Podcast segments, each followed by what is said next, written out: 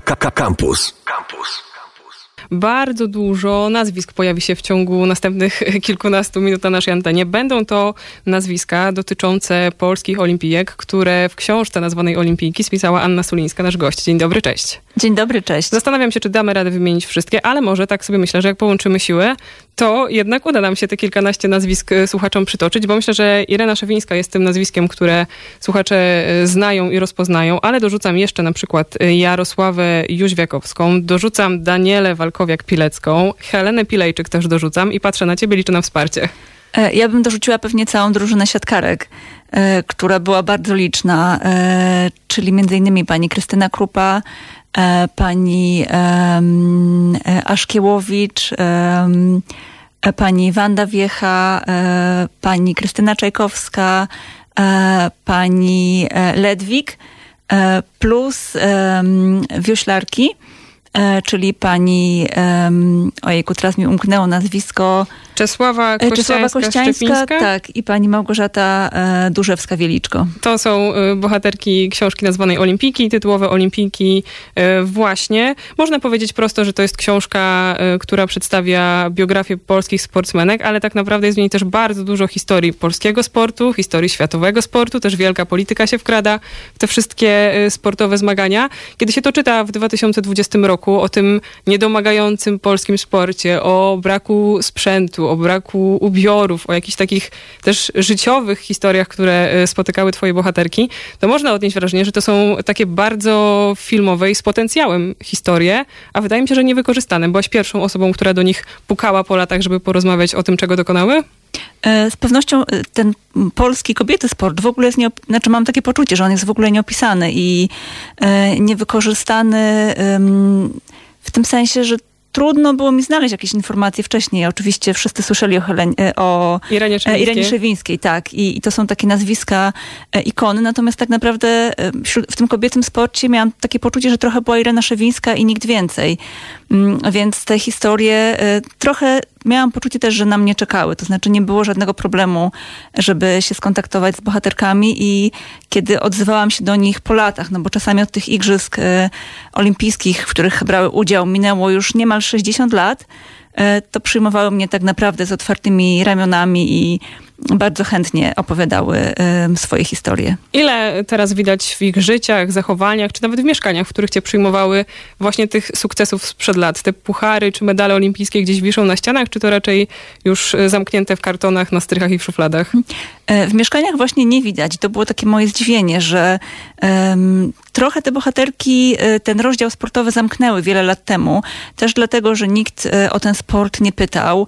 Też dlatego, że być może to było takie dość dotkliwe, ponieważ e, w momencie, kiedy kończyły karierę sportową, próbowały tego życia na przykład jako trenerki, ale z uwagi na to, że urodziły dzieci e, i ta, ta ścieżka trenerska, ona w dalszym ciągu jest bardzo mocno niedostępna dla kobiet, e, bo chociażby na ostatnich Igrzyskach Olimpijskich trenerki stanowiły 10% szkoleniowców, więc to jest jakiś promil w dalszym ciągu. Tych 50 lat temu było, było jeszcze trudniej, więc ten sport został zamknięty, schowany w szafie pod ubraniami, e, medale olimpijskie mm, do szuflad ze sztuczcami takimi lepszymi na Wigilię. I, I, właściwie to życie było na długie lata zamknięte. Jeszcze jak powiedziałam mieszkanie i wyobraziłam sobie medale, to przypomniałam sobie historię o tym, że czasami dzięki tym sukcesom sportowym i znajomościom, a też przebywaniu w różnych kręgach ludzi, udało się te mieszkania w dawnych, trudnych czasach, będąc tą olimpijką właśnie sobie, że tak y, brzydko powiem, załatwić. A co z upamiętnianiem olimpijek w XXI wieku? E, Jakieś ronda, ulice, boiska nazwane ich imieniem? E, w zasadzie absolutnie nic. Jedynym chlubnym wyjątkiem jest pani Helena Pilejczyk, e, która mieszka w Elblągu. Całe życie tam trenowała. To jest medalistka olimpijska z zimowych Igrzysk Olimpijskich z 1960 roku, która ma pływalnię niepływalnie oczywiście, a lodowisko e, swojego imienia, lodowisko Helena e, i ona jest w swoim mieście pamiętana Natomiast już po tym, jak wyszła książka, odzywały się do mnie na przykład osoby z Bydgoszczy, e, które nie miały świadomości, że e, w Bydgoszczy mieszka e, była medalistka olimpijska i pierwsza kobieta, pierwsza zawodniczka, która zdobyła medal dla polskiego kajakarstwa olimpijski na przykład i dziwiła się, że nie ma żadnego upamiętnienia w mieście. Któraś z nich chyba też o tym mówi, że chyba nawet sąsiedzi nie wiedzą, że za ścianą mieszka olimpijka. W wielu przypadkach sąsiedzi nie wiedzą, że, że za ścianą mieszka olimpijka. Zdarzało się też, to jest bohaterka, która nie, było, nie, nie jest dopisana w książce, jedna z gimnastyczek z 56 roku, E, z Igrzysk Olimpijskich. E, pani mówiła, że pomagała jej taka młoda, e, młodsza sąsiadka, powiedzmy 30-letnia i gdy ta sąsiadka przynosiła jej obiad, przyniosła jej wyjątkowo dwa obiady też dla mnie, jeden, który jej kupiła i pytała dlaczego. Starsza pani powiedziała, że odwiedza ją dziennikarka, E, I wtedy sąsiadka zadała lawinę pytań i nie mogła uwierzyć w to, że ta taka maleńka, drobniutka e, kobieta, która ma problem, żeby zejść z trzeciego piętra, e, zdobyła kiedyś medal na Igrzyskach Olimpijskich. Nie do pomyślenia. To jest takie zdanie, które sobie powtarzałam pod nosem czytając olimpijki, kiedy czyta się o tym, że na przykład drużyna siatkarek nie miała swojego fizjoterapeuty. Męska miała. Kiedy skończył masować mężczyzn, czasami kobiety mogły też, znowu mówiąc brzydko, załapać się na masaż. Kiedy ktoś w ogóle nie wierzy w te kobiety, na olimpiadę i kupuje im bilet powrotny już następnego dnia, nie licząc na to, że w ogóle zdobędą tam jakiś tytuł. Kiedy z kolei inni działacze y, polityczni proszą też chyba damską drużynę o to, żeby prasowały koszule. No generalnie to zdanie nie do pomyślenia było takim, które powtarzało się w mojej głowie najczęściej, ale przyłapałam twoje bohaterki na tym, że one nie narzekają albo nie ujawniają jakiegoś swojego takiego żalu czy zawodu. E, nie narzekały. I mm, jeśli pojawiało się narzekanie, ono dotyczyło konkretnych sytuacji. Jakiś taki, to była taka złość, że właśnie e, chociażby Daniela Walkowiak nie została zabrana na start. E, z wioski olimpijskiej. Z wioski olimpijskiej, tak. Zapomniano o niej. Zapomniano o niej no, zapomniano w cudzysłowie, tak? Pewnie zapomniano o niej wyjeżdżając na, na Starne jezioro e, Castel Gandolfo, gdzie rozgrywały się e, regaty wioślarskie. I bardziej takich konkretnych sytuacji dotyczyła ta złość. Natomiast e, samej pozycji, jaką zawodniczki miały, jakby pani mówiła, że tak to wtedy wyglądało i to one i tak były cały czas w kontrze, to znaczy nie rodziły dzieci w wieku 20 lat, nie zajmowały się domem, walczyły o swoje marzenia i te problemy, które napotykały, e, nie rozpatrywały ich do końca w takich kategoriach feministycznych, tylko po prostu problemy, które pojawiają się na ich drodze. E, i trzeba się zastanowić, w jaki sposób e, sobie z nimi poradzić. Ale chyba też nawet nie w takich kategoriach systemowych, że można byłoby oczekiwać, nie wiem, jakiegoś dobrego materaca czy stroju sportowego, będąc jednak zawodniczką e, z igrzysk.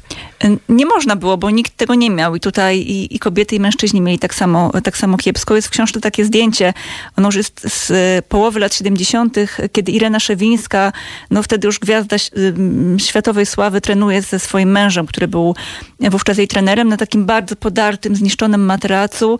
E, no dziś takich materacy nie ma w szkołach podstawowych, podejrzewam, e, albo są już e, z nich usuwane. To był sprzęt, na którym trenowali medaliści olimpijscy.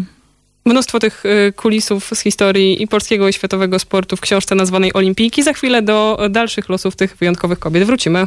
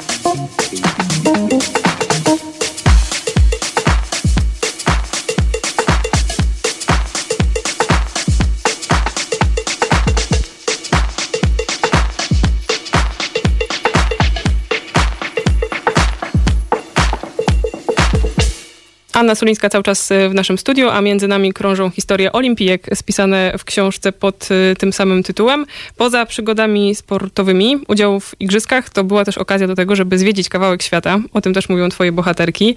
Ale, i to znowu jakoś tak chwyta za serce czytelnika, to była też okazja, żeby spróbować różnych kuchni i częściowo być może najeść się dosyta w końcu po tych chudych latach spędzonych na przygotowaniach w Polsce.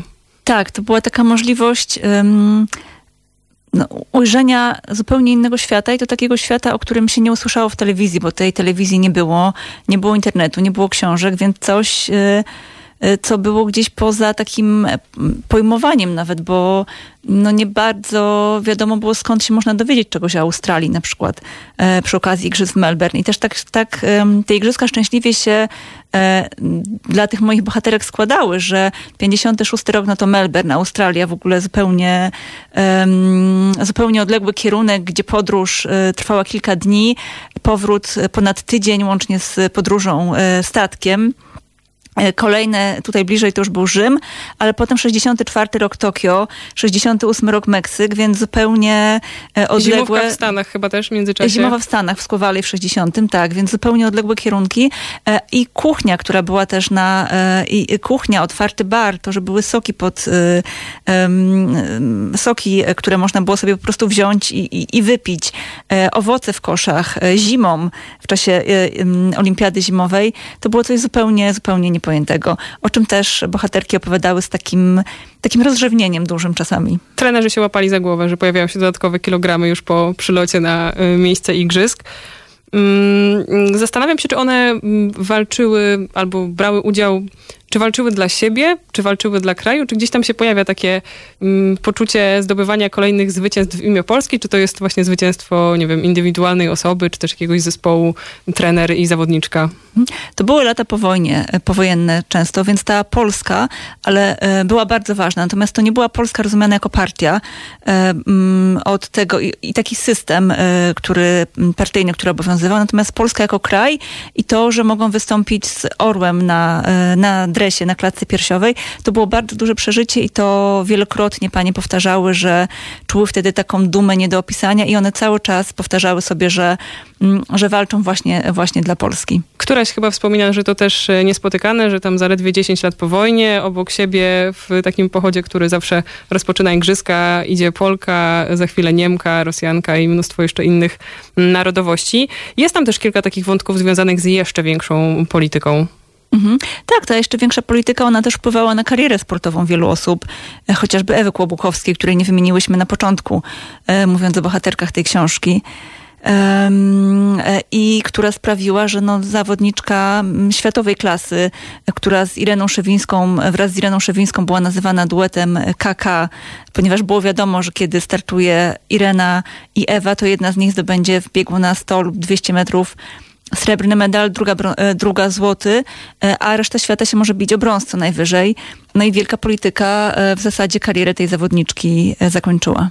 Co było dla ciebie um, najprzyjemniejszą częścią um, pisania i rozmawiania z olimpijkami? W sensie próbuję dociec tego, czy jesteś też miłośniczką sportu, czy bardziej patrzysz na to właśnie z perspektywy życiowej, czy może politycznej, albo jeszcze jakiejś innej? Mm, o tą najprzyjemniejszą część nikt mnie jeszcze nie zapytał dotychczas, ale perspektywa życiowa i chyba taka możliwość um, czerpania z doświadczeń i słuchania tych doświadczeń e, osób e, bardzo mądrych życiowo, dużo starszych ode mnie, które no jakby już można powiedzieć, że przeżyły e, swoje życie i trochę podpatrywania mm, co w tym ich życiu sprawiało, że one są szczęśliwe, a co sprawiało, że nie do końca.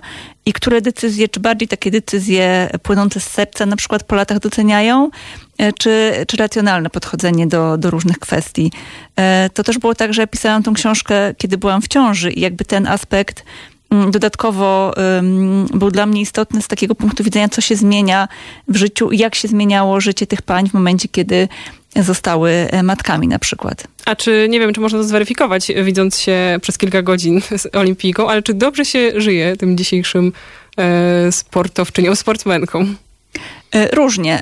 Jeśli chodzi o jakość życia, taką najprostszą, ona na pewno wzrosła od um, lat 2000, od kiedy pojawiła się taka emerytura e, sportowa. To jest oficjalnie stypendium w kwocie około 2000 miesięcznie, e, które dostają wszyscy medaliści olimpijscy. To ważne, bo panie nie pracowały, nie tylko pracowały. się treningom. Tak, znaczy oficjalnie musiały być zatrudnione, natomiast przebywały często na urlopach bezpłatnych, więc ta emerytura była bardzo niziutka i ta jakość życia, no właściwie na sporcie się nie zarabiało kiedyś, więc więc ta jakość życia e, była e, no, kiepska wcześniej. A zdrowie dopisuje po tylu latach uprawiania bardzo sportu? Bardzo różnie, bardzo różnie, ale pani podkreślają, że ten sport to nie było zdrowie.